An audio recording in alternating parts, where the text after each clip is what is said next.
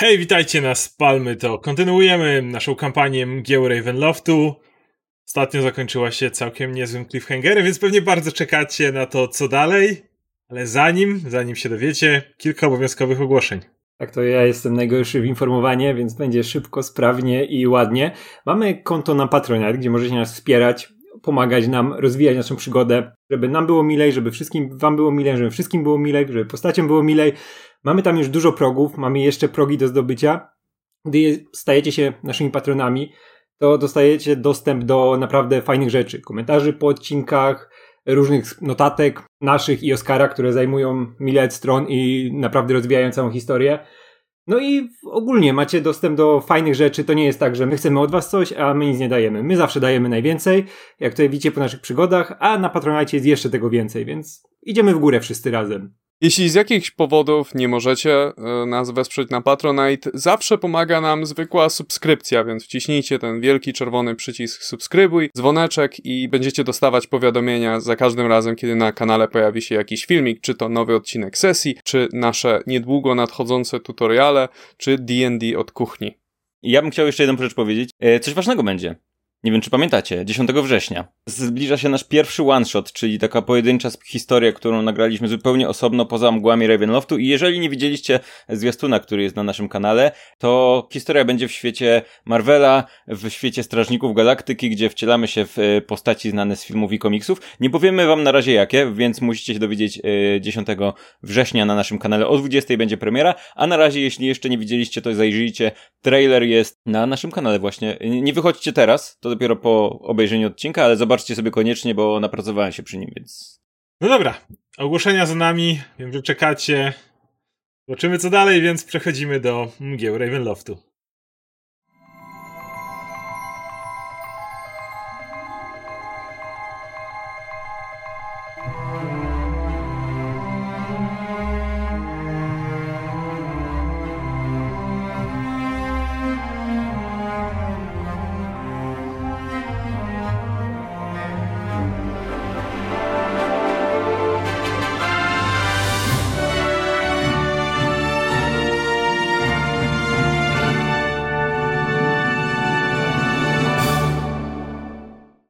Witajcie podróżnicy w sierocińcu w mieście Wallaki, gdzie dotarli nasi bohaterowie, prowadząc dwie zagubione pociechy dzieci Torgolowiczów, które uratowali z diabolskiego młyna. Sierociniec e, to wydawałoby się odpowiednie miejsce, odpowiednia placówka do umieszczenia mm, tej dwójki sierot. Jednakże, jak szybko nasi bohaterowie odkryli, ten Wallaki, jak wiele rzeczy w Barowi, skrywa mroczną tajemnicę. Otóż większość dzieci cierpi tutaj na bardzo mocne koszmary nocne. W dodatku ich łóżka są oznaczone jakiegoś rodzaju magicznymi runami. E, co więcej, niedawno doszło do tragedii. Jeden z chłopców w tym sierocińcu wypadł przez okno. Bohaterowie rozdzielili się. Trevor udał się z dyrektorką Claudią Belasco do pokoju, w którym leży nieprzytomny niejaki Milivosz, Chłopiec, który wychowywał się w tym oto sierocińcu, a teraz wspomaga go pracując przy pobliskim kościele jako grabarz, aby zbadać jego stan zdrowia. Chłopiec od dwóch dni nie budzi się już, jest w stanie bardzo ciężkiej gorączki, widać, że jest blady, jest z nim naprawdę źle, co gorsza, Trevor nie jest w stanie zidentyfikować choroby. Natomiast y, pozostała trójka udała się na strych, aby porozmawiać z Felixem. Jednym z dzieci, które niedawno tutaj przybyły, który jest y, ludkiem, trzyma się na uboczu, generalnie nie ma tutaj znajomych. Po krótkiej i dosyć mm, interesującej wymianie zdań, a także noży, okazało się, że Felix jest najwidoczniej opętany przez jakieś wrogie siły, które natychmiast przybrały kształt czarnej chmury w humanoidalnym kształcie z ogromnymi rękoma zakończonymi ostrymi pazurami. Zanim jednak przeniesiemy się na strych i zobaczymy, jaki jest tego wynik, najpierw e, zobaczmy, co u Trevora, który przeprowadził rytuał, aby stwierdzić, czy choroba, która trapi Miliworza, jest z natury magiczna.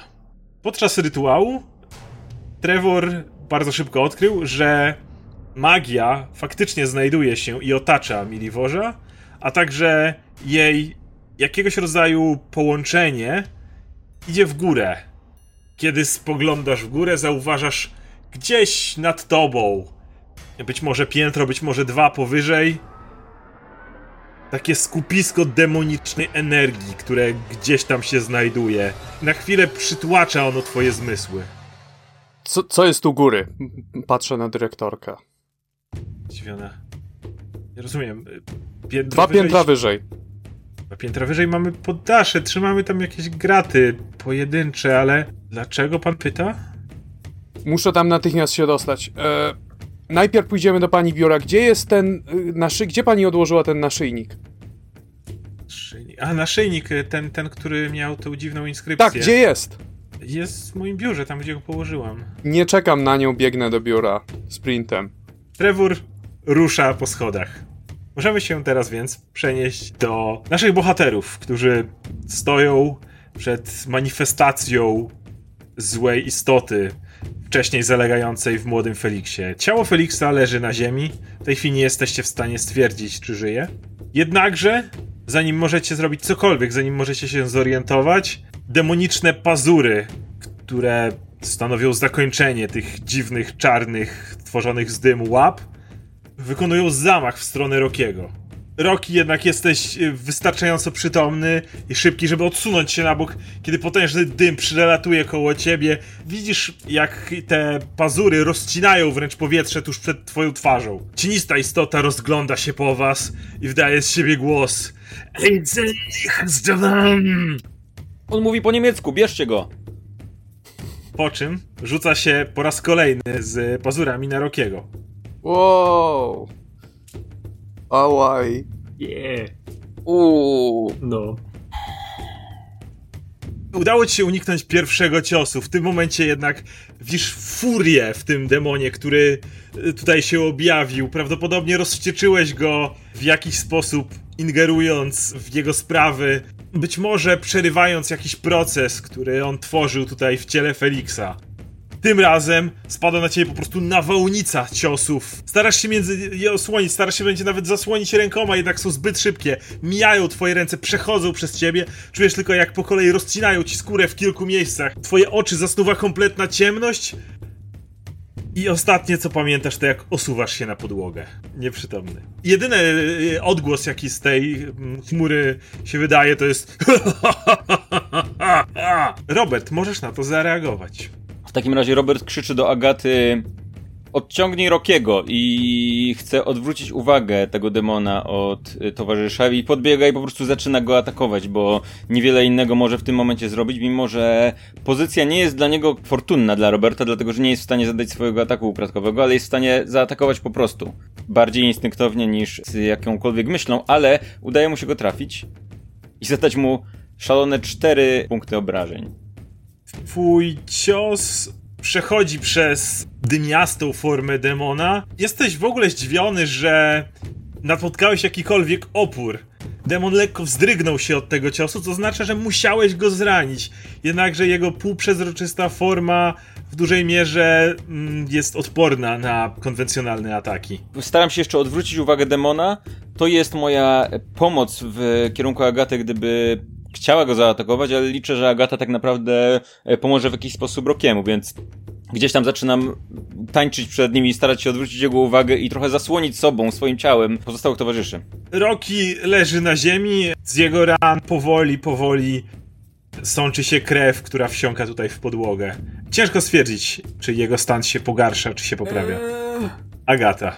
Wyciągam przed siebie dłoń z naszyjnikiem, tak żeby demon wyraźnie widział, widział widniejący tam symbol, czyli, czyli odwrócony pentagram i zaczynam przemawiać do demona w języku piekielnym. Słyszycie, jak Agata wydaje z siebie Ja odgłosy, a raczej Robert to słyszysz, które są dla ciebie nieznajome. Nie masz pojęcia, co ona mówi. Brzmią bardzo podobnie wyrazy do tego, co przed chwilą wykrzyknął demon, natomiast nie masz pojęcia, o czym ona mówi. Demon spogląda na Agatę, wydaje się być zaintrygowany, po czym e, znowu wypluwa z siebie jakieś słowa. Iżachtyngengachmuna. O czym wy mówicie? Tutaj Roki leży się wykrwawia. Agata, bierz go. Zasłaniam ciało Rokiego, tak żeby mogło go ściągnąć, albo przynajmniej ustabilizować. Przemawiam do niego raz jeszcze, tym razem groźniej. Tym razem musisz rzucić na zastraszanie. 23. Zauważasz, że to w jakiś sposób zdrygnęło tego demona, jednakże na tą chwilę nie widzisz bezpośrednio efektu, żeby cokolwiek się stało. On odwrócił od ciebie wzrok kompletnie i teraz spogląda na Roberta. Jakby przestał ciebie zauważać. Więc demon, jak wspomniałem, kompletnie w tym momencie przestał, wydałoby się, zauważać Agatę na tą chwilę. Ciężko stwierdzić, z, z czego to wynikło, patrząc na to, że poza Agatą i demonem nikt nie rozumie słów, które tutaj padły. W razie wykonuje on zamach na Roberta. Znowu swoim cienistym pazurem. 17, razem 23, więc trafia. Za 16 ciętych obrażeń. Więc pazur przejeżdża i jakoś starasz się machać w jego stronę, żeby, żeby zwrócić na siebie uwagę, żeby nie, nie atakował leżącego na ziemi Rokiego. Jednakże za późno zauważysz, że faktycznie on zwrócił na ciebie uwagę i szybki jak błyskawica pazur wystrzeliwuje, przejeżdżając ci przez zbroję. Czujesz, że po raz kolejny zbroja, którą niedawno załatał Trevor, zaczyna pękać w wielu miejscach i czujesz również, jak potężne pazury wrzynają ci się i przejeżdżają ci przez całą klatkę piersiową. Ajajajajaj. Co by tu zrobić? W tym momencie wydaje mi się, że jedyną rozsądną opcją jest próba ucieczki, więc chcę chwycić ciało Rokiego, krzyknąć do Agaty: Agata, nie wygramy tej walki, uciekajmy! I chwytam ciało Rokiego za swoją bonusową akcję. Robię unik, tak żeby demon nie mógł mnie zaatakować. I chcę zacząć ciągnąć ciało Rokiego jak najdalej w stronę drzwi, ile jestem w stanie łapiesz Rokiego, który krwawi na ziemi, ciągniesz go po ziemi, wyciągając go spod demona, który tak tylko ma rozstawione te swoje palce, widzicie ostrza, właściwie, które kończą każdy z tych palców, jak się patrzy na wszystkie strony, kiedy Robert ledwo wyciąga mu spod nosa właściwie broczącego krwią Rokiego. Ja jestem przytomny chociaż trochę? Mogę coś mówić? Nie, nie jesteś przytomny.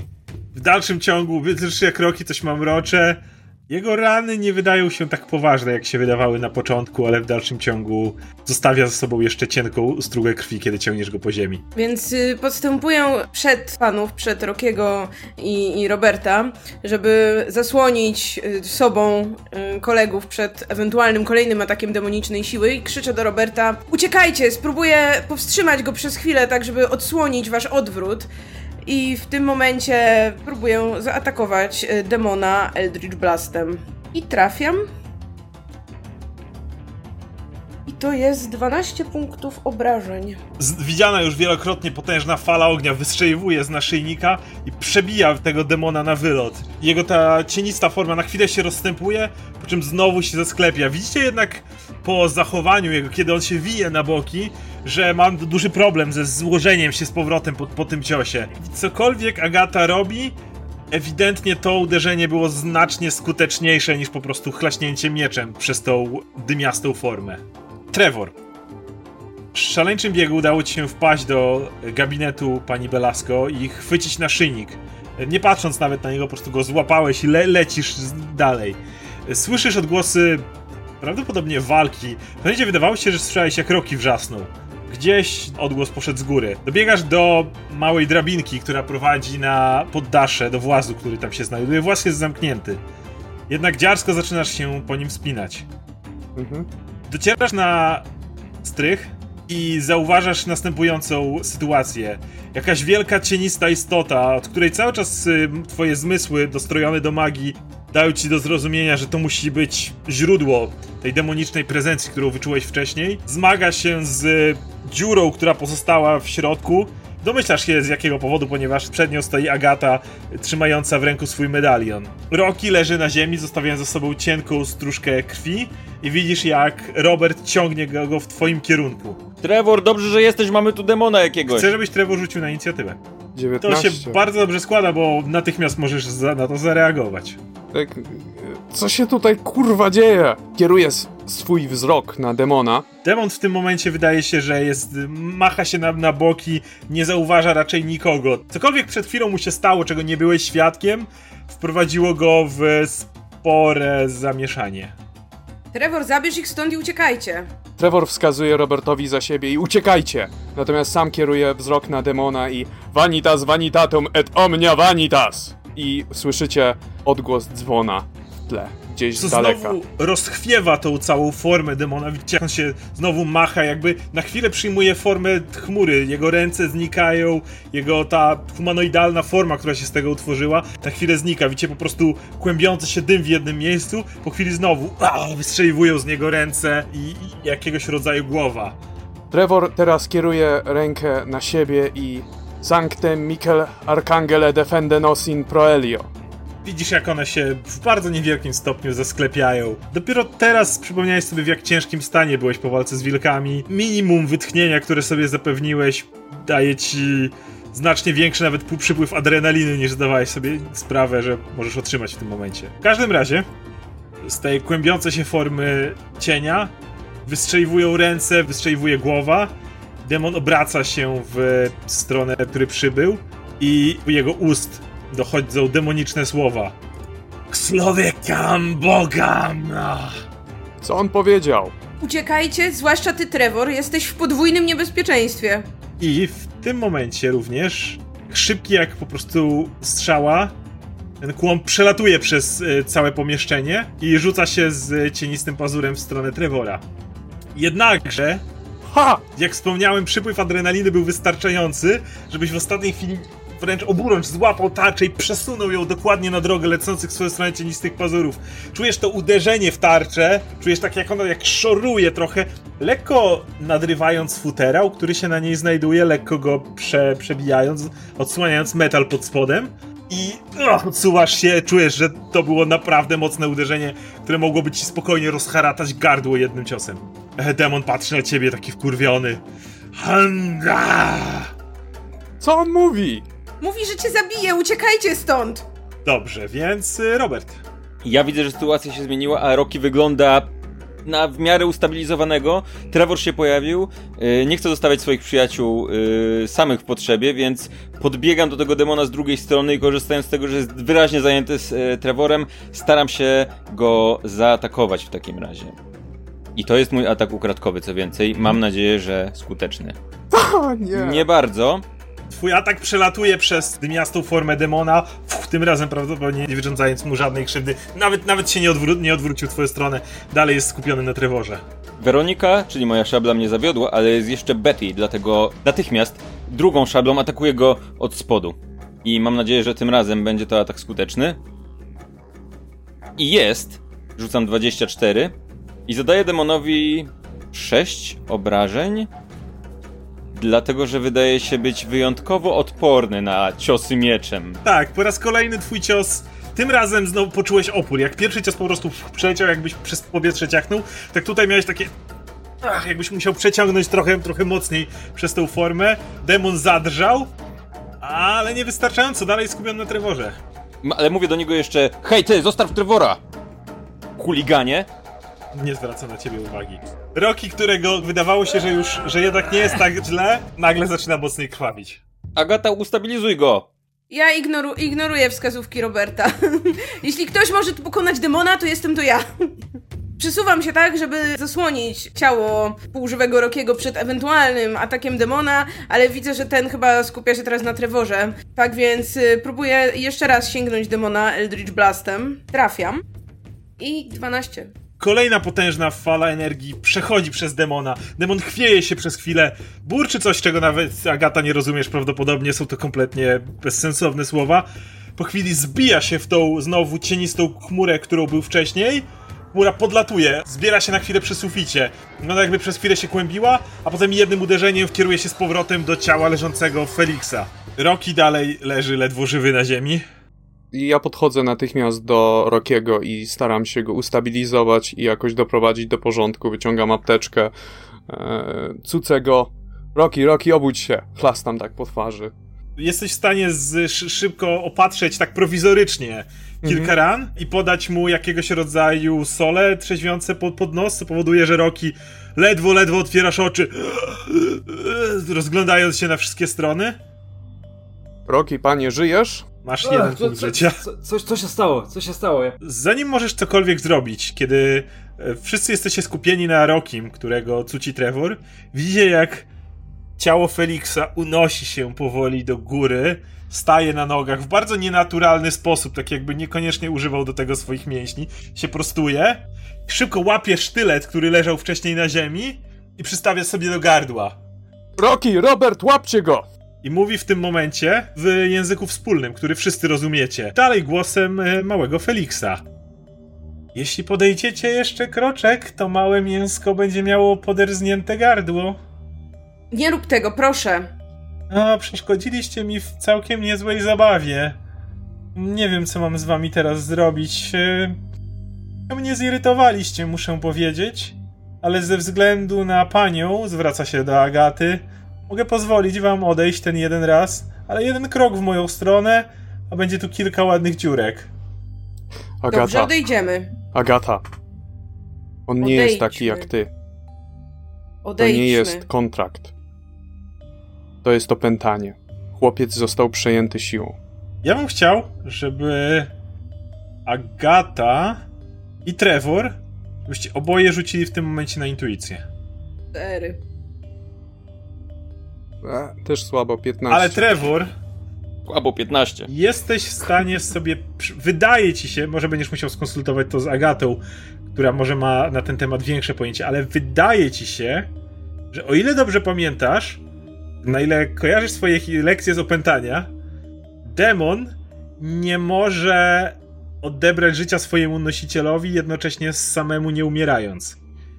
Co po tym, jak on to powiedział, odbierasz, że prawdopodobnie blefuje, aczkolwiek po raz kolejny Agata może wiedzieć o tym więcej. Agata, niestety, jesteś zbyt rozproszona, widząc małego chłopca, który przystawia sobie sztylet do gardła, więc nie jesteś w stanie przejrzeć tego blefu, który Trevor wydaje się widzieć. W takim razie ja patrzę na małego Feliksa prosto mu w oczy i wyciągam naszyjnik, który zabrałem pani Widzisz, jak on mu się- dyrektorce. I wysuwam Odsuń się siebie. z tym! Odsuń się z tym, nie zbliżaj się z tym! Nie zbliżaj się! Jeszcze jeden krok. Tak Robię lekko jeden krok do naciska, przodu. Lekko naciska na szyję Feliksa, że malutka stróżka krwi ścieka mu po szyi. Trevor, bo on zabije tego dzieciaka. Wiesz doskonale, że sam zginiesz, jeśli zabijesz chłopca. I mówię to głośno tak, żeby wszyscy, kim to Tak, i powiedzieć. kiedy Trevor to mówi, Agata, przypominasz sobie, na ile zdajesz sobie sprawę o demonach, to faktycznie na chwilę może zagrożenie Feliksa zaćmiło ci trochę umysł i, i nie pomyślałaś o tym, ale w tym momencie przypominasz sobie, że to, co mówi Trevor, ma absolutnie sens. Tak więc też po- podchodzę kilka kroków do. do, do Nie zbliżajcie się, on robi. On, on Zostaw zamiast, tego chłopca! zamiast przyciskać sztylet, to robi dwa kroki do tyłu, co lekko was niepokoi, ponieważ za nim znajduje się jedyne okno na tym poddaszu. Demon i będący w ciele Feliksa wydaje sobie nie, nie zdawać sprawy. W tej chwili jest jego oczy są kompletnie utkwione w naszyjniku, który trzyma przed sobą Trevor. Ten, tym samym naszyjniku, który oczywiście zgarnął z gabinetu dyrektorki. Wydaje się, że nic więcej do niego nie dociera. Nawet ten nóż nie do końca już dociska się do jego szyi. Jego uwaga jest poświęcona wyłącznie naszyjnikowi. W takim razie obchodzę demona w taki sposób, żeby za nim była ściana. Kiedy tylko go obchodzisz, więc z jednej strony podchodzi Agata, a z drugiej Trevor, i w ten sposób niejako zaganiacie go, głównie Trevor ze względu na naszyjnik, który trzymasz w ręku, do, do ściany. On dokładnie, on w tym momencie ignoruje wszystko inne i w tym momencie staje w kącie, gdzie okno jest kawałek dalej i trzyma ten, ten nóż cały czas. E, Zdajesz sobie sprawę, już by trzy razy się przebił, gdy, kiedy do niego podchodziliście. Rocky, Robert, chwyćcie go za ramiona i trzymajcie go bardzo mocno. Trevorze, czy możemy jakoś wypędzić tego demona z ciała chłopca? Właśnie to będziemy robić. Nie, nie, nie, nie! Słucham tego, co, co Ja powiedział też. Trevor, no i z, zbliżamy się, no i chwytamy go. Wlokę się, wlokę się tam powolutku. Rocky, żyjesz? Jesteś cały? Już, już lepiej, już lepiej, przyjacielu. Będzie jeszcze lepiej. Idziemy dzieciaka przytrzymać. mały Felix w tym momencie. Z jego gardła dobywa się demoniczny odgłos Agata, tłumacz, jeśli możesz. Demon krzyczy, że nie da się znów uwięzić w naszyjniku. Czy to oznacza, że faktycznie możesz spróbować to zrobić? Tak, Agata, skąd ty znasz niemiecki? przyciśnijcie go do podłogi. Niech leży. Rocky, Ściskamy. Robert. Czy on się wydaje jakiś szczególnie silny? Trevorze, tylko nie zrób krzywdy chłopcu. Rzućcie na atletykę, kiedy, kiedy chcecie go przywalić do ziemi. Rzucam 14. 27. E, Okej, więc O. e, z jakiegoś powodu Robert, który o, trochę musiałeś poskakać, pomachać, przyciskasz go, czujesz jak on wierzga po prostu, jako, jak na takiego chłopca ma znaczny nadmiar siły, masz duży problem z utrzymaniem go i żeby to zrobić dostajesz jeden poziom zmęczenia. Natomiast Rocky jest chyba po prostu wystarczająco wkurwiony na tą chwilę. Adrenalina i czysty gniew zastępuje u ciebie jakikolwiek ból, jakikolwiek zmęczenie. Po prostu bierzesz tego gnoja, łapiesz go za ramię i dociskasz do ziemi, tak widzisz, że on, czujesz, że on ci drga pod, pod, pod rękami, no ale w ogóle nic sobie z tego nie robisz, z kamienną miną trzymasz go przyciśniętego do ziemi. Takie Wygrałeś z dziurę w podłodze. Trevor podchodzi do chłopca i wyciągam swój, e, za pozuchy wyciągam swój krzyż i przykładam do czoła. Z gardła Feliksa wydobywają się na razie krzyki. Crux, Sacra, Sit, Mihi, Lux. Non, Draco, Sit, Mihi, Dux. I w pewnym momencie wydaje się ko- kolejny demoniczny okrzyk Uksiem mylona myta soimem na kakamzawym. Patrzę pytająco na Agatę. Nie, nie przejmujcie się nim. Grozi, grozi nam wszystkim, ale wydaje mi się, że, że doskonale widzi, że już przegrał. Wade, Retro, Satana. Nunkwan, Słade, Też odkrzykuje do demona w jego piekielnym języku. Też Pomimo tego, że demon ewidentnie cierpi i wierzga, widzicie, że po Robercie, że, że męczy go trzymanie chłopaka i, i, i dociskanie go do ziemi. Rocky oczywiście ma kompletnie niewzruszoną minę w tym momencie. Zadajesz mu ból w ten sposób, ale nie jesteś pewien, czy na pewno dajesz radę go wyciągnąć. Wiesz, że przeprowadzasz ten rytuał we właściwy sposób, nie do końca masz, y, twoje słowa są wystarczająco, mają w sobie ten rozkaz, którego potrzebujesz, aby wypędzić go z tego ciała. Podnoszę krzyżyk z czoła. Patrzę na niego chwilę. Zastanawiam się. I chowam go z powrotem za pazuchę. Na chwilę on unosi głowę, kiedy pokazujesz mu i krzyczy Ozime tu w grach, ani pozime w zergle. Z trzeszczem patrząc na Trevora. Pytająco na Agatę. Każe ci gryźć ziemię. Czy to oznacza, że nie do końca dobrze idzie nam wypędzanie demona z ciała? Chwileczkę. Odpinam swoją tarczę z pleców i przed demonem stawiam. I odpinam po pokrowiec. Wszystkie guziki, nie guziki, ale właściwie takie spięcia na pokrowcu, odsłaniając cały przód tarczy. Pokrowiec spada w tym momencie. Widzicie całą białą tarczę z wielkim czerwonym krzyżem, na którym został wpisany obraz e, Michała Archanioła, który e, depcze właśnie diabła pod sobą. U góry znajdują się litery, które zostały częściowo zniszczone przez czas, nie potraficie nie, nie do końca być może się rozczytać i pod spodem znajduje się nazwa miejscowości i data wpisane po łacinie. Kiedy pojawia się twoja tarcza, kiedy demon zwraca uwagę, widzicie po twarzy Feliksa, że pojawia się na niej coś, czego nie widzieliście tam wcześniej. Strach, autentyczny strach. Zaczyna on jeszcze mocniej wierzgać i w tym momencie chcę, żebyście jeszcze raz obaj rzucili na atletykę, z tym, że Rocky masz ułatwienie, a Robert masz oczywiście utrudnienie ze względu na twoje zmęczenie. Mimo to rzucam 18. 20. Obaj jesteście w stanie go przytrzymać, ale czujecie, jak po prostu z, z kompletnie nieziemską siłą on się rzuca i wydaje z siebie jeszcze jeden okrzyk Illovedef izupin jest, jest temat zwłes iskin iska!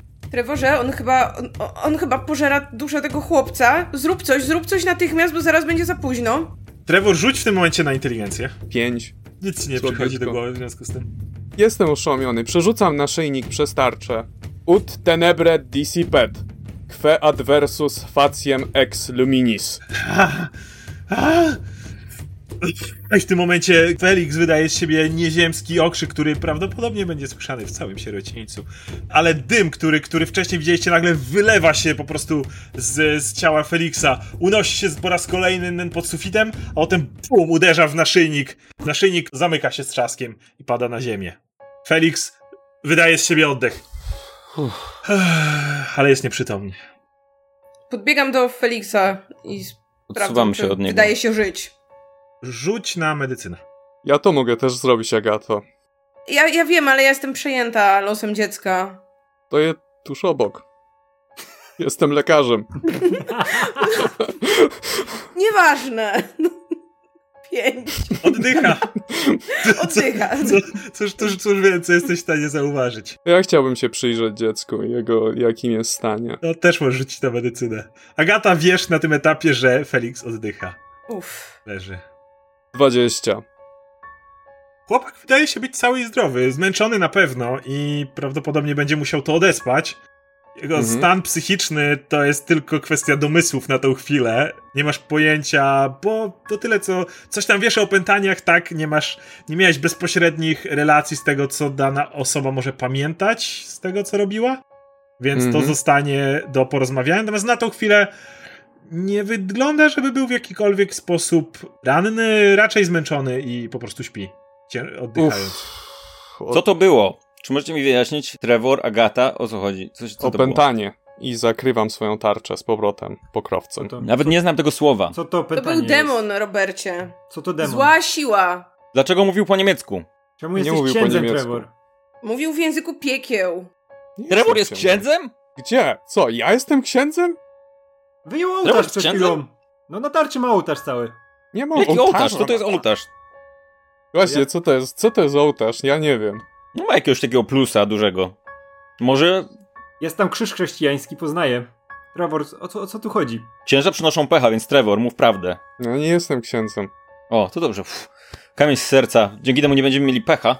Dobra, ja się tak opieram na mieczu, już jestem po prostu, nie wiem co się dzieje, kręci mi się w głowie. Czy jesteś demonologiem? Nie.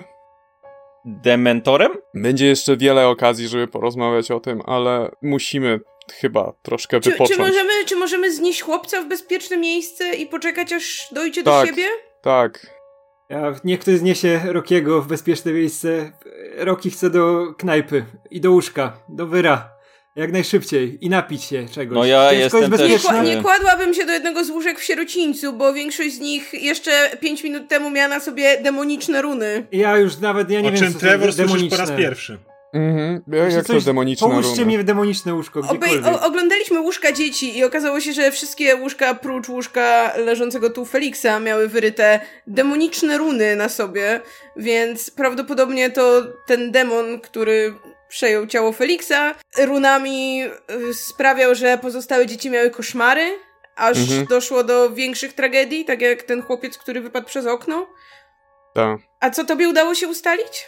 Udało mi się ustalić, że na dole jest chłopiec, który został e, dotknięty magią nekromancji. E, udało mi się też ustalić w trakcie mojego badania, że, na po, że z poddasza bije gigantyczna szatańska siła i tak, to, to, było, to, było, to była duża część moich To ustaleń. A, ale czy to wpłynęło, to, to jakby miało związek z tym chłopcem na dole, czy to dwa zupełnie oddzielne przypadki?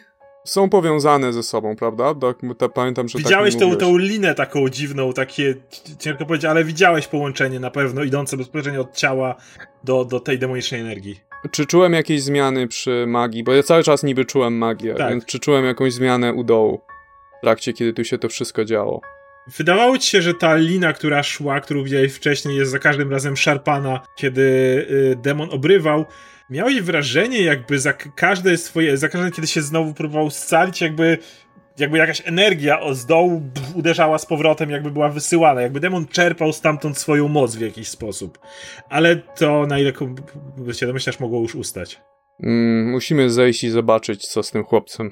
Dobrze, zróbmy Tak tak. swoją drogą. Kiedy to mówicie i Agata nachyla się nad Feliksem, nagle ciało Feliksa zaczyna przechodzić kolejne spazmy, tak zaczyna drgać i w tym momencie słyszycie ting, ting małe uderzenia jakby metalu o drewnianą podłogę i widzisz naszyjnik. Teraz z przerażeniem zauważasz, Trevor, że naszyjnik jest Hmm. pęknięty. Nie masz pojęcia, czy został uszkodzony teraz w walce, kiedy demon robił cios i cię zasłoniłeś, czy może wcześniej Cedric, który ukradł naszyjnik Felixowi prawdopodobnie sam go uszkodził, może został uszkodzony, kiedy spadł przez okno, Mhm. ale widzisz pęknięcie, widzisz ewidentne pęknięcie i naszyjnik zaczyna podskakiwać delikatnie. Wszyscy zauważacie, macie wrażenie, jakby co chwila taki malutki czarny opar wylatywał z tego naszyjnika i znowu do niego wracał, tak coraz bardziej. Naszyjnik zaczyna podskakiwać i w, dokładnie w ten sam rytm, w którym podskakuje naszyjnik, również podskakuje ciało Feliksa, tak jakby były do siebie znowu po raz kolejny przyciągane. Czy mam możliwość zamknąć e, i za, zakląć go jeszcze w jakimś dodatkowym naczyniu poza tym? W tej chwili nic takiego nie widzi. Podejrzewasz, że twój rytuał przebiegł poprawnie.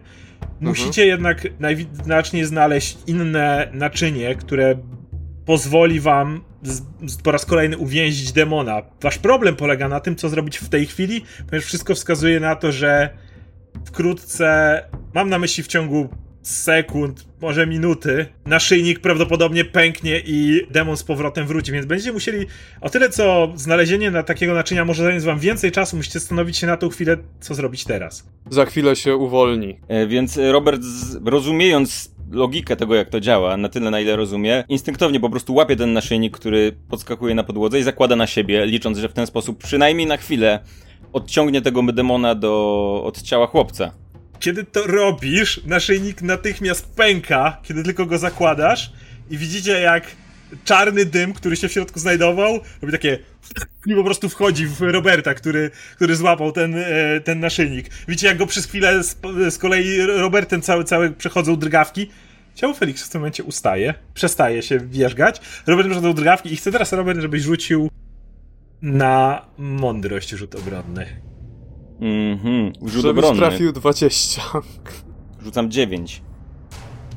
Em, Na tę chwilę zdajesz sobie sprawę, że masz może kilkadziesiąt sekund przy najlepszych wiatrach, zanim demon przejmie nad tobą kontrolę. Czujesz, jak po prostu jego, jego pazury, jak drapią się w środku, jak próbuje rozepchać się w, now, w okolicach nowej duszy, w nowym ciele. Jak dosłownie zaczyna używać twojej duszy jako baterii, która ma go znowu złapać. Widzicie, jak, jak Robertem tak przychodzą dreszcze cały czas. Czy to mnie boli w jakiś sposób? Czy ja to czuję fizycznie? Nie, ciężko to opisać. To nie jest fizyczne uczucie, to, to bardziej dotyczy twojej duszy. Jakbyś, jakbyś w pewnym momencie odsuwał się na tylne siedzenie i powoli jakaś obecność wpełzała ci po prostu na siedzenie kierowcy, że tak powiem, a twoje, twoje ruchy coraz bardziej. Jakbyś miał wrażenie, że twoje ciało przestaje być twoje w jakiś sposób. Czy ja jestem w stanie powoli. wewnątrz mojego umysłu w jakiś sposób komunikować się z tym demonem, spróbować z swojej głowy powiedzieć próbować. uciekaj stąd, ty paskudna bestiot, coś tam, daj mi spokój. To się dzieje w umyśle Roberta, chcę tylko dodać. Tak, wy, wy, wy, wy wszystko, co widzicie, bardzo widzicie mocno, takie drgawki, głowę i które... staram się coś takiego, coś takiego powiedzieć. Gdzieś z otchłani, gdzieś z, z niewiadomego kierunku słyszysz tylko śmiech. O tak, tak, to jest silne ciało.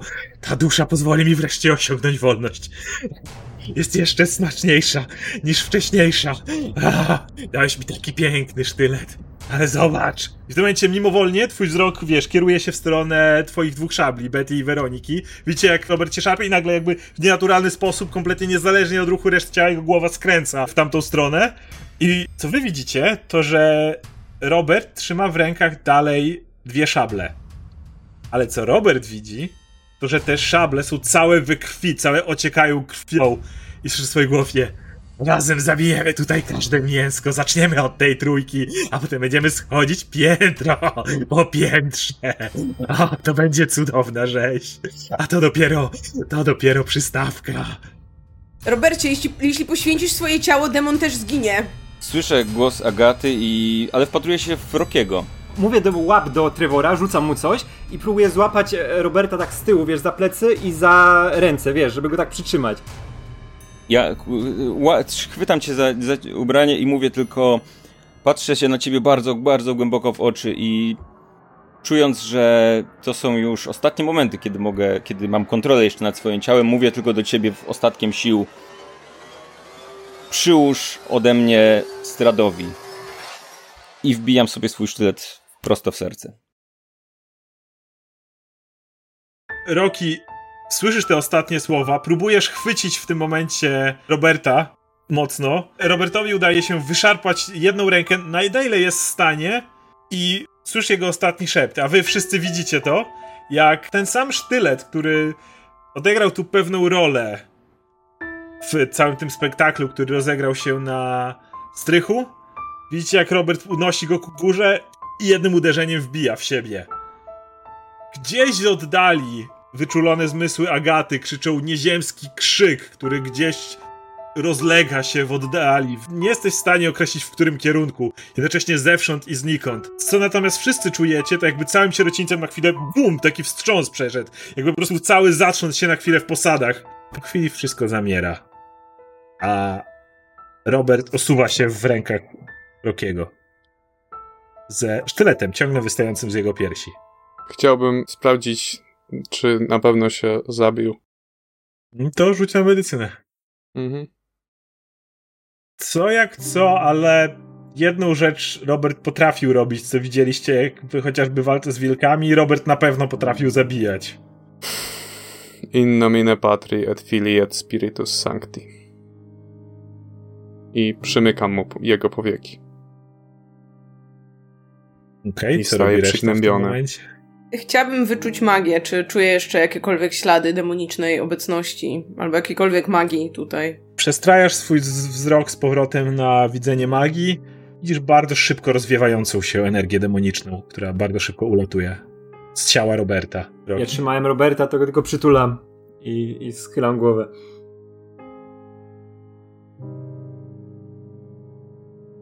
Kiedy tak stoicie chwilę w ciszy, nagle z y, końca tego strychu dochodzi płacz.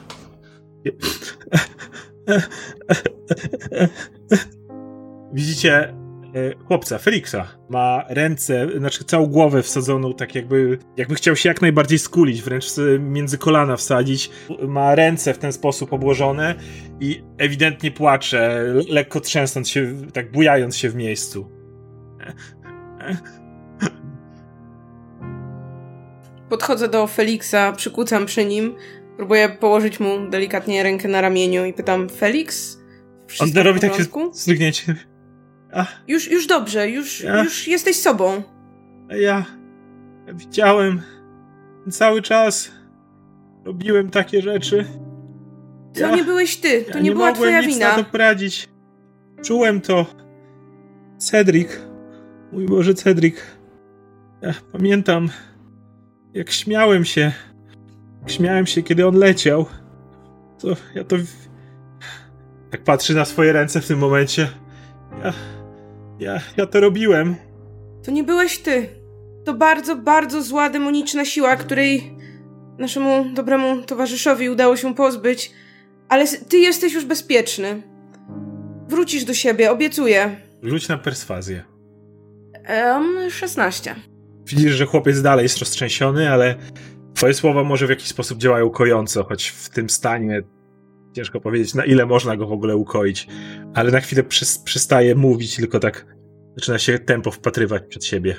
Podchodzę do chłopca i mówię mu: Chłopcze, z twojego przekleństwa uratował cię Robert Pinkerton. Zapamiętaj to imię do końca swojego życia.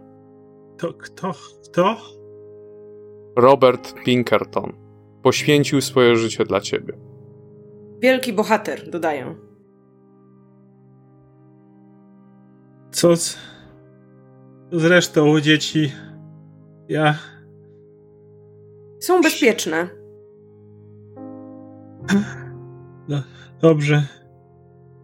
Widzicie, że on ma problem z zebraniem myśli, ale Zebrałem sobie energię i potem biorę Roberta na ręce i tylko mówię, idziemy, weźcie dzieciaka, idziemy stąd. Idziemy. No, Pomagam podnieść cię Feliksowi. powoli schodzicie po drabinie. mhm. nosząc ciało Roberta i jednocześnie pomagając zejść Feliksowi, który cały roztrzęsiony idzie między wami. Na dole stoi już pani Klaudia Belasco, ale zauważacie również, że w okolicach schodów jest grupka ciekawskich dzieciaków, która gdzieś tam się zebrała i patrzy, co się tutaj do cholery działo. Zdajcie sobie sprawę, że część krzyków, na pewno wstrząs sierocińcem i kilka innych rzeczy dało się słyszeć. Pierwsza odzywa się dyrektorka.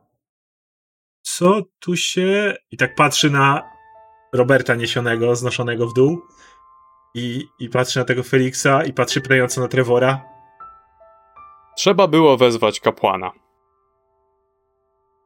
Ksiądz Lucjan, co? On przychodzi... Co tu się stało? Co, co jest... Wasz towarzysz? Niestety poległ w boju. Nie chciałbym mówić przy dzieciach. Dobrze, y, wejdzielibyście do mojego gabinetu. Dzieci! Dzieci, odejdźcie, dorośli będą rozmawiać. Mówi szybko do kilku starszych dzieciaków. Zabierzcie ich na dół. Później wam, później porozmawiamy i powiemy, jakie będą tego konsekwencje. I zwraca się z powrotem do, do Trevora. Proszę, za, za, za mną. Wskazuje drogę do swojego gabinetu. Zanim dochodzicie również w, po schodach wchodzi Irina z tyłu, która była cały czas z tymi dziećmi. Tak podbiega i mówi, co tu się... I tak się zatrzymuje i patrzy na Roberta, podbiega szybko do niego i patrzy na was pytająco. Ja tak ze smutkiem patrzę w podłogę. Nie, nie odpowiadam Irynie. Zachęcam Irinę, żeby poszła z nami do gabinetu. Ona widzicie, jak się tak truje w podłogę przez chwilę. Też i bez słowa rusza dalej za wami. Chodzicie, pani Klaudia zamyka drzwi, pokazuje wam, e, pokazuje na chwilę, jakby chciała wam, zrozumiała, żebyście mogli usiąść gdzie chcecie, ale potem stwierdza, że w sumie nie ma co, a potem jednym ruchem zgarnia ze swojego biurka wszystkie rzeczy, które tam leżą, pokazuje Ro Rokiemu, że może tu położyć przynajmniej Roberta. Ja, ja kła- kładę Roberta i od razu mówię do Trevora, przywróć go do życia. Przywróć. Nie mogę. Widziałem, że potrafi rzeczy. Przywróć go do życia. Nie mogę. Musi, musisz to zrobić. Agata, musicie go przywrócić do życia. Na pewno znacie jakieś sztuczki. Widziałem, co robicie. Widziałem, że emanujecie ogniem z rąk. Są jakieś dymy w powietrzu. Musicie coś z tym zrobić. Na pewno coś potraficie. Musicie coś potrafić. W tym kierunku. Cokolwiek. Musimy coś zrobić. Nie możemy go tak zostawić.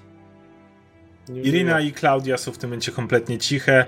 Felix usiadł na krześle, które mu po- pokazała pani Belasko, stawiając je pod ścianą dalej od biurka i pokazała, żeby Felix na nim usiadł. Felix siedzi na nim tylko spokojnie, więc y, poza rokiem nikt się nie odzywa.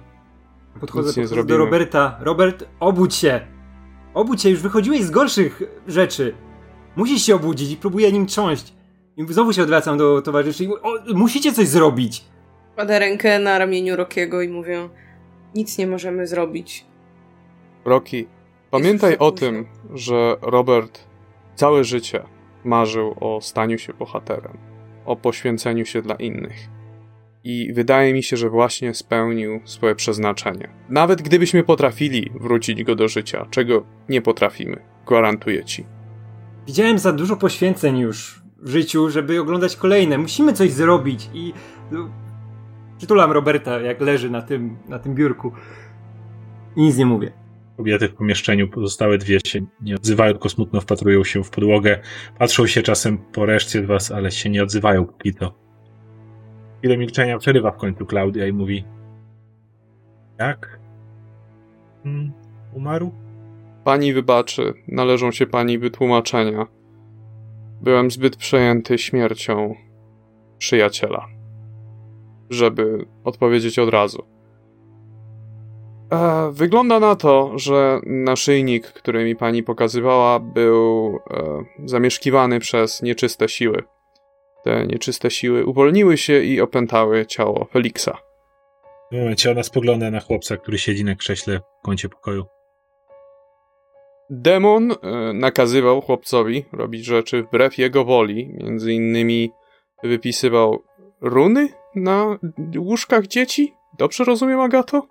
Tak, na nogach łóżek były wyskrobane piekielne znaki, które miały sprowadzać na dzieci koszmary, nieszczęścia, szaleństwo. Klaudia kręci głową. Tyle nocy, te krzyki, każdej nocy dzieci krzyczały i krzyczały. I nikim nie wierzył. Siedziałam przy nich, siedziałam przy ich łóżkach. Zastanawiałam się, czy ktoś naprawdę ich nie krzywdzi, ale one tylko budziły się z krzykiem. To demon też odpowiadał za stan Milibosza.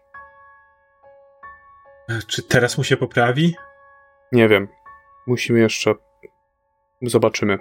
Nie wiem. I za śmierć Cedrika. I za śmierć Cedrika.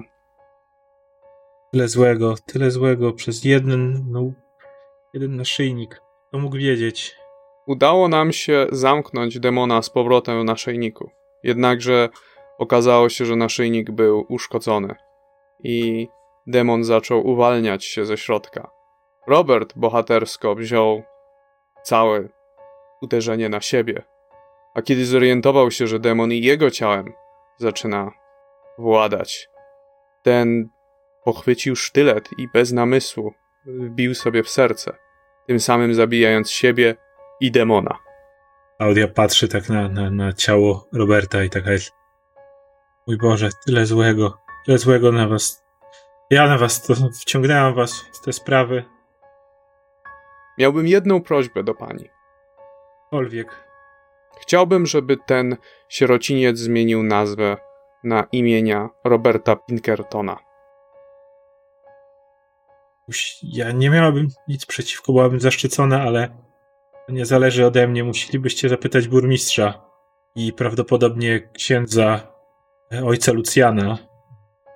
Sierociniec nazywa się w tej chwili imienia świętego Andrala. E, pod również jego imieniem znajduje się tutejsza parafia. Jeśli oni wyrażą zgodę, będę zaszczycona, by opowiadać e, innym o bohaterze, który święcił się dla dobra niewinnych dzieci. Spróbujemy z nimi porozmawiać. Na razie tablica pamiątkowa byłaby. Nie, nie mam pieniędzy, żeby się wam odwdzięczyć. Wszystko, co mam, wydaje na, na sierociniec, na jakiekolwiek utrzymanie. A Miliwosz przez swój stan nie mógł ostatnio pracować. Ale nie wiem, czy to odpowiedni czas, żeby o tym mówić. Staram się porozmawiać z nim, jeżeli mu się poprawi. Oby tak było. I z ojcem Lucjanem, jeżeli będziecie chcieli w jakiś sposób sprawić pożegnanie waszego towarzysza. Patrzę na towarzyszy pytająco.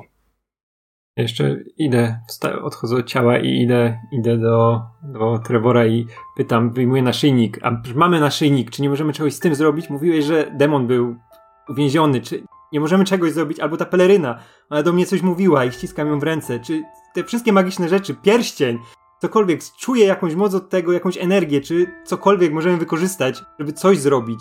Nie możemy być bezsilni przecież w takiej sytuacji. Rocky, demon nie żyje. Biorę ciało Roberta znowu i musimy, musimy go pochować. Ja, ja porozmawiam. Ojciec Lucjan jest dobrym przyjacielem sierocińca. Przychodził tu czasem opiekować się. Nie będzie z tym problemu, aby załatwić z nim wszystko.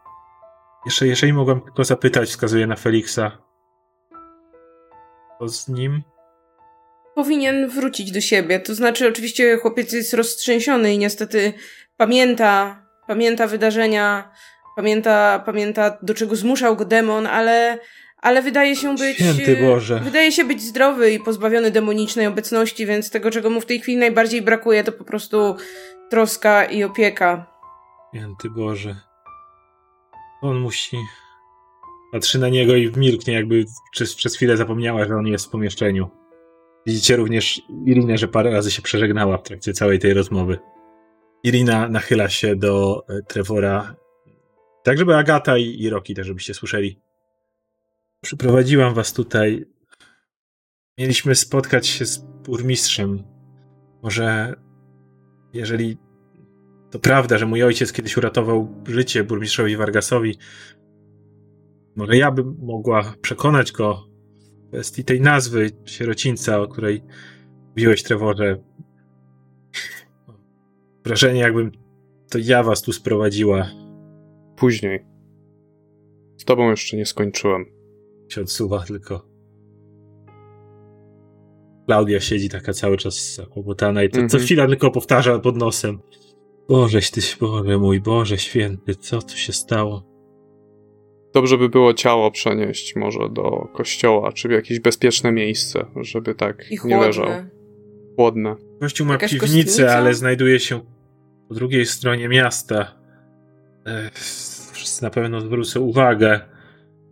E, jeśli Miłosz gdzieś miał swoje rzeczy, mogę spróbować pójść po strażników, Ktoś by nam pomógł. Ja nigdy nie miałem My z Rokiem weźmiemy go na noszach, jak bohatera. Sam go zaniosę.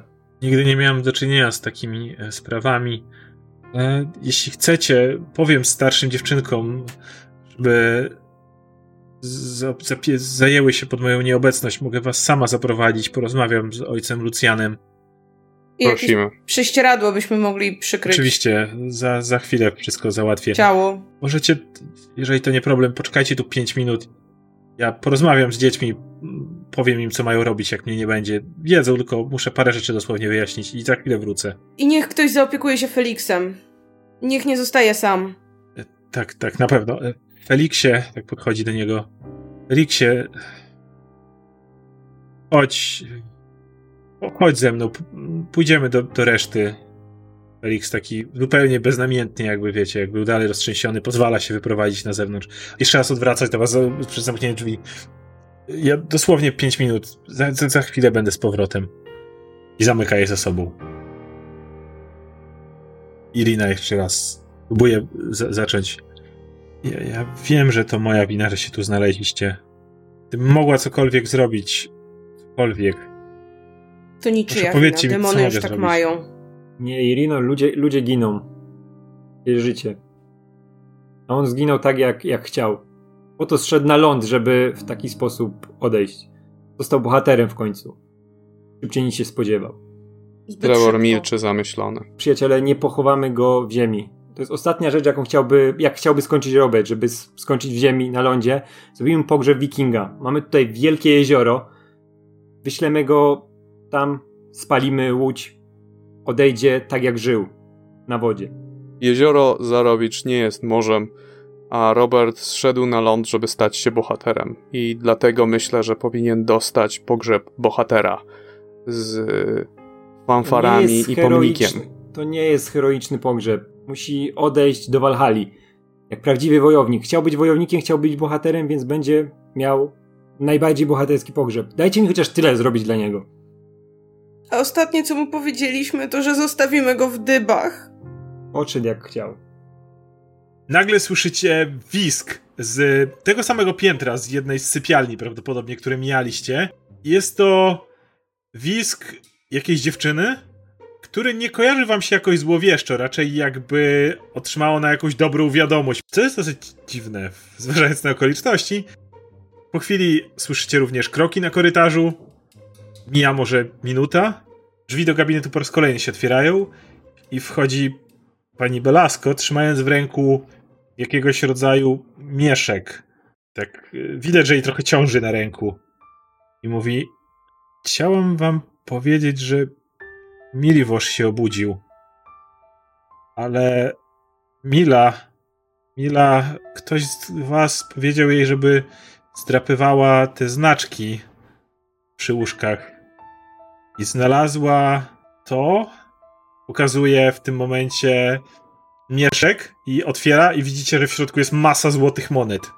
Czy ktoś z was to tu zostawił? To Roberta, jak sądzę. Aha. E, w takim razie chyba musiał puścić to albo zostawić tu przez pomyłkę. E, nie, nie, nie, nie zamierzam mu tego zabierać. E, proszę, jeżeli jesteście jego towarzyszami, i wystawia mieszek w waszą stronę. Czy może mogę chwilę porozmawiać z moimi towarzyszami w samotności? I biorę ten mieszek. Oczywiście. Będę, będę na dole przy Miliwożu. Wie pan, mhm. jak tam trafić, mówi do tak, tego biura. też jestem ciekaw jego stanu. Za chwilę. I zamyka drzwi z powrotem. Irina, Irina tak patrzy na was, pierwsza. Myślicie, że Robert zostawił to specjalnie? Nie wiem, ale słuchajcie, mam propozycję. Kieruję swój wzrok do Rokiego i Roki, wiem, że jesteś poganinem. Nie będę ci robić z tego powodu problemów, nie będę ci tego wypominać i szanuję to do pewnego stopnia. Wiem, że chciałbyś dać Robertowi pożegnanie wikinga, ale ja proponuję, żebyśmy mu dali taki pochówek, jakby wszyscy bogowie się przed nim kłaniali. Zgadzam się. Wszyscy władcy niebios i piekieł. I patrzę jeszcze na Agatę. Wszyscy bogowie są siebie warci. Bardzo dobra decyzja. krzywię się trochę na tę ostatnią uwagę i przeliczam pieniądze w mieszku. E, 120 sztuk złota. Szybko tutaj jesteś w stanie swoim okiem chciwym. E, czy, czy, czy będę musiał rzucać na coś, żeby stwierdzić, ile będzie potrzeba na taki bardzo przyzwoity Możesz dla Roberta? na intelekt. Na chciwość. się... Może albo nawet na historię, jak chcesz. 21. To nie jest zbyt e, zamożne miasto, jak w porównaniu do dużych europejskich miast. Jak na Barowie jest oczywiście zamożne. Wydaje ci się, że za dobre 30 sztuk złota, ze wszystkim, z płytą, z pochówkiem, z ceremonią, nawet na stypę ci jeszcze starczy. Okej, w takim razie proponuję podzielić to w ten sposób, że 30 sztuk złota przeznaczymy na naprawdę piękny pogrzeb dla Roberta, a resztę oddamy na sierociniec. Dobry pomysł. Wydaje mi się, że Robert jako sierota też by to docenił. No, ja, bym, ja bym mu sam zrobił łódź i spalił jego ciało na jeziorze, ale zgadzam się, że możemy coś wydać. Wyprawiałem pogrzeby już e, po prostu bez Lina się wtrąca pieniędzy. i, wy, i wy, wyciąga też mieszek z zapasa i mówi Wasza zapłata.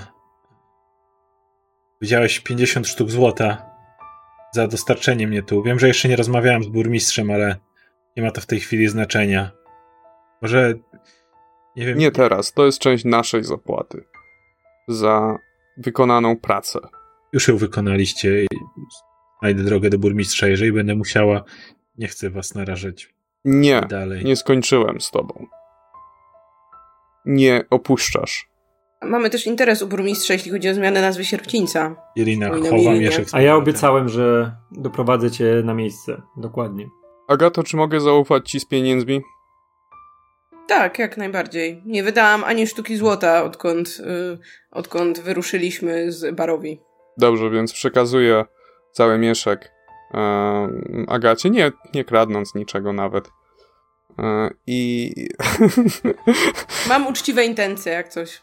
Tak, ja też jestem, te- Trevor jest wzruszony zresztą poświęceniem Roberta i słuchajcie, ja chciałbym zobaczyć chłopca w jakim jest stanie i podobno się obudził, więc chciałbym się dowiedzieć, jakby do końca rozwikłać te tajemnice. No Ja, ja zostanę z Robertem. Ktoś musi. Ja pójdę z Trevorem. Irina mówi: W takim razie dotrzymam ci towarzystwa. Roki. Dziękuję.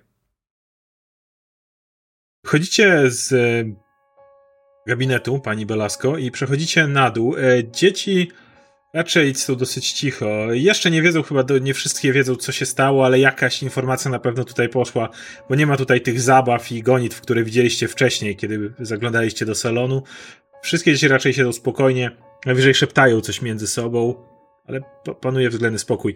Przechodząc przez salon widzisz grupkę dzieci otaczającą wejście do tego pokoju dalej, które, który wcześniej miałeś do pokoju, w którym badałeś wcześniej Miliwoża.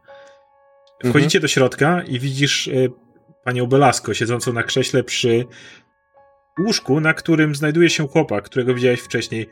Y, jest on teraz oparty plecami, y, ma o, o poduszki. Wygląda znacznie zdrowiej niż wcześniej. Nie jest już na pewno tak śmiertelnie blady.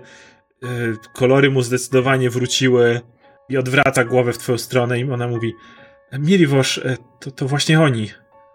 On tak odwraca w waszą stronę głowę. Widzisz po nim, że choroba musiała go osłabić, ale to był na pewno dobrze zbudowany chłopak. Na oko około 18-20 lat ma, który ma czarne, krótko ścięte, dosyć prosto włosy, prostą twarz bez żadnych jakichś e, znaków szczególnych, nie ma za zarostu absolutnie żadnego. I tak jak mówię, widzisz, że jest osłabiony e, i przez to na pewno troszeczkę zmarniał, ale prawdopodobnie przed chorobą był to naprawdę dobrze, dobrze zbudowany już młody mężczyzna, który zwraca głowę w twoją stronę. Mówi jeszcze takim lekko osłabionym głosem. Dobrze rozumiem to. Wam zawdzięczam moje życie i spokój Feliksa. Hmm, spokojnie, chłopcze, musisz odzyskać siłę. I podchodzi Trevor, wyciąga swoje narzędzia i zaczyna badanie. Okej, więc Trevor będzie sobie go badał, on się nie opiera. E, Najwidoczniej Mhm. pani Belasko wytłumaczyła mu wcześniej, że jeden z was jest lekarzem. Więc ty rzuć na medycynę, chcę pytać, co robi w tym momencie reszta, bo Trevorowi to chwilę zejdzie tam oglądanie go. Ja na wszelki wypadek spróbuję znowu y, sprawdzić, czy wyczuwam jakąś magię, czy na pewno demoniczna esencja zniknęła. Znowu przestrajasz swój wzrok i nie, nie wyczuwasz tu żadnej magii. Roki? Ja no, siedzę z Robertem przy nim. Biorę jego miecze i, i chowam do plecaka. Okej, okay, Betty i Weronika No, trafiają pan- do twojego plecaka. Irina tylko tak kiwa głową ze zrozumieniem.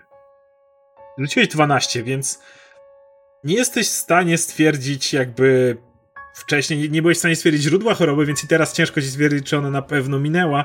Chłopak wygląda na osłabionego, to na pewno, co do tego nie masz żadnych wątpliwości, ale wstępna diagnoza byłaby taka, że z czasem, odpowiednio się odżywiając i nie przemęczając się, powinien odzyskać siły.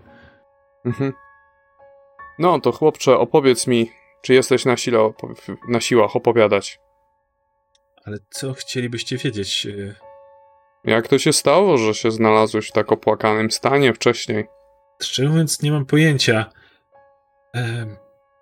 Pani, pani Klaudia mówiła mi, że chodziło o naszyjnik.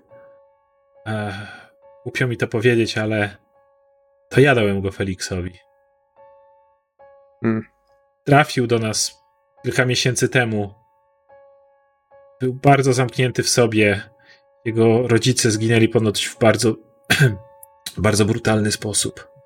Ech, Chłopak nie mógł się dogadywać z innymi, a Cedric mu dokuczał.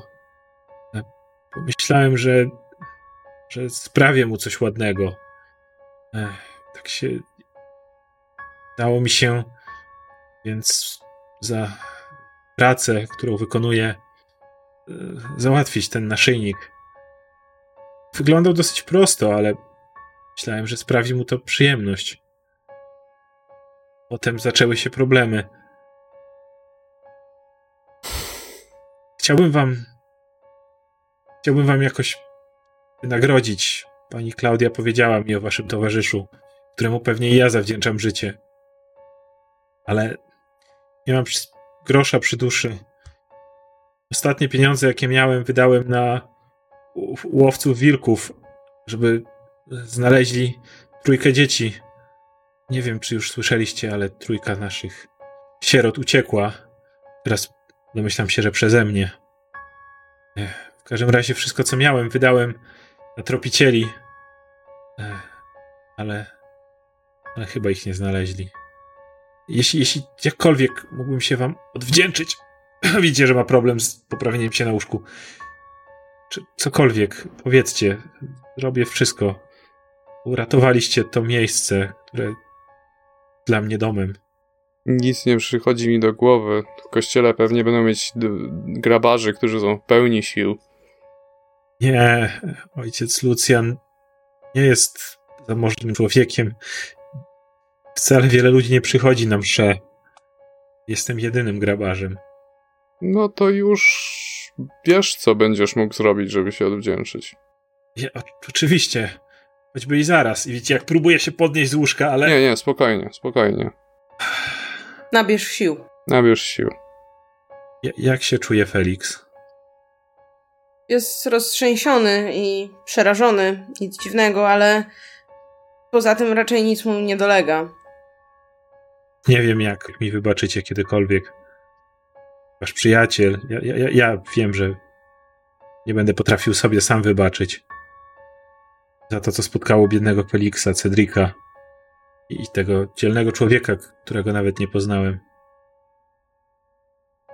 Ale wiedziałeś, że w środku jest demon? Nic nie rozumiem. Nie miałem o tym pojęcia, No więc to nie twoja wina. ale. Nie wiem, mogłem.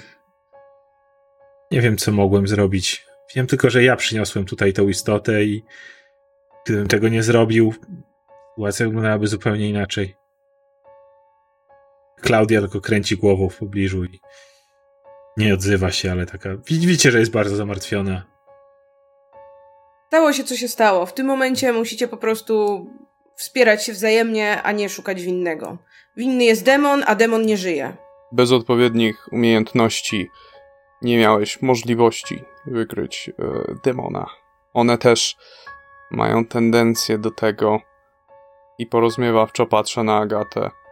E, żeby manipulować swoimi ofiarami i sprawiać wrażenie, jakby były nieszkodliwe lub nawet pomocne. Aczkolwiek ten wasz ksiądz tutaj to chyba jakiś nie za dobry. Może z nim się jeszcze rozmówimy. Patrzę na Trevora, zastanawiając się, czy mam rację obwiniając księdza. On, on mówi, ojciec Lucjan płaci mi i opiekuje się czasem tutaj sierotami, kiedy pani Klaudia jest zajęta. Jako jedyny dał mi pracę, kiedy chciałem jakoś wspomóc sierociniec, a sam za wiele nie ma. To nie jego wina. Ech, mogę zapytać, pani Klaudia powiedziała, że jest pan lekarzem. Hmm. Domyślam się, że jesteście kimś więcej. Dlaczego, kiedy to Felix był opętany, ja byłem osłabiony? Czułem jakby, jakby moje siły mnie opuszczały. Każdego dnia byłem coraz słabszy. Nie potrafię tego opisać. To nie było tylko zmęczenie fizyczne. Czułem jakbym.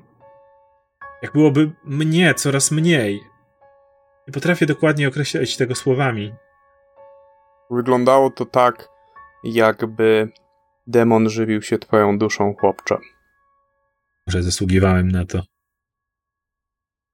Wychodzimy i bierzemy ciało Roberta i niesiemy do kościoła, żeby tam schować w krypcie jakiejś. Pani Belasko, która załatwiła już wszystkie sprawy, jest w stanie was poprowadzić przez e, Wallaki, które jest kontrastująco bardzo radosne, bo już w w pełni się obudziło. Widzicie ludzi, którzy zajmują się swoimi sprawami, chodzą po ulicy, rozmawiają, handlują i ten cały nastrój zaczyna was w pewien sposób irytować, choć jest to kompletnie irracjonalne. I na tym dzisiaj zakończymy.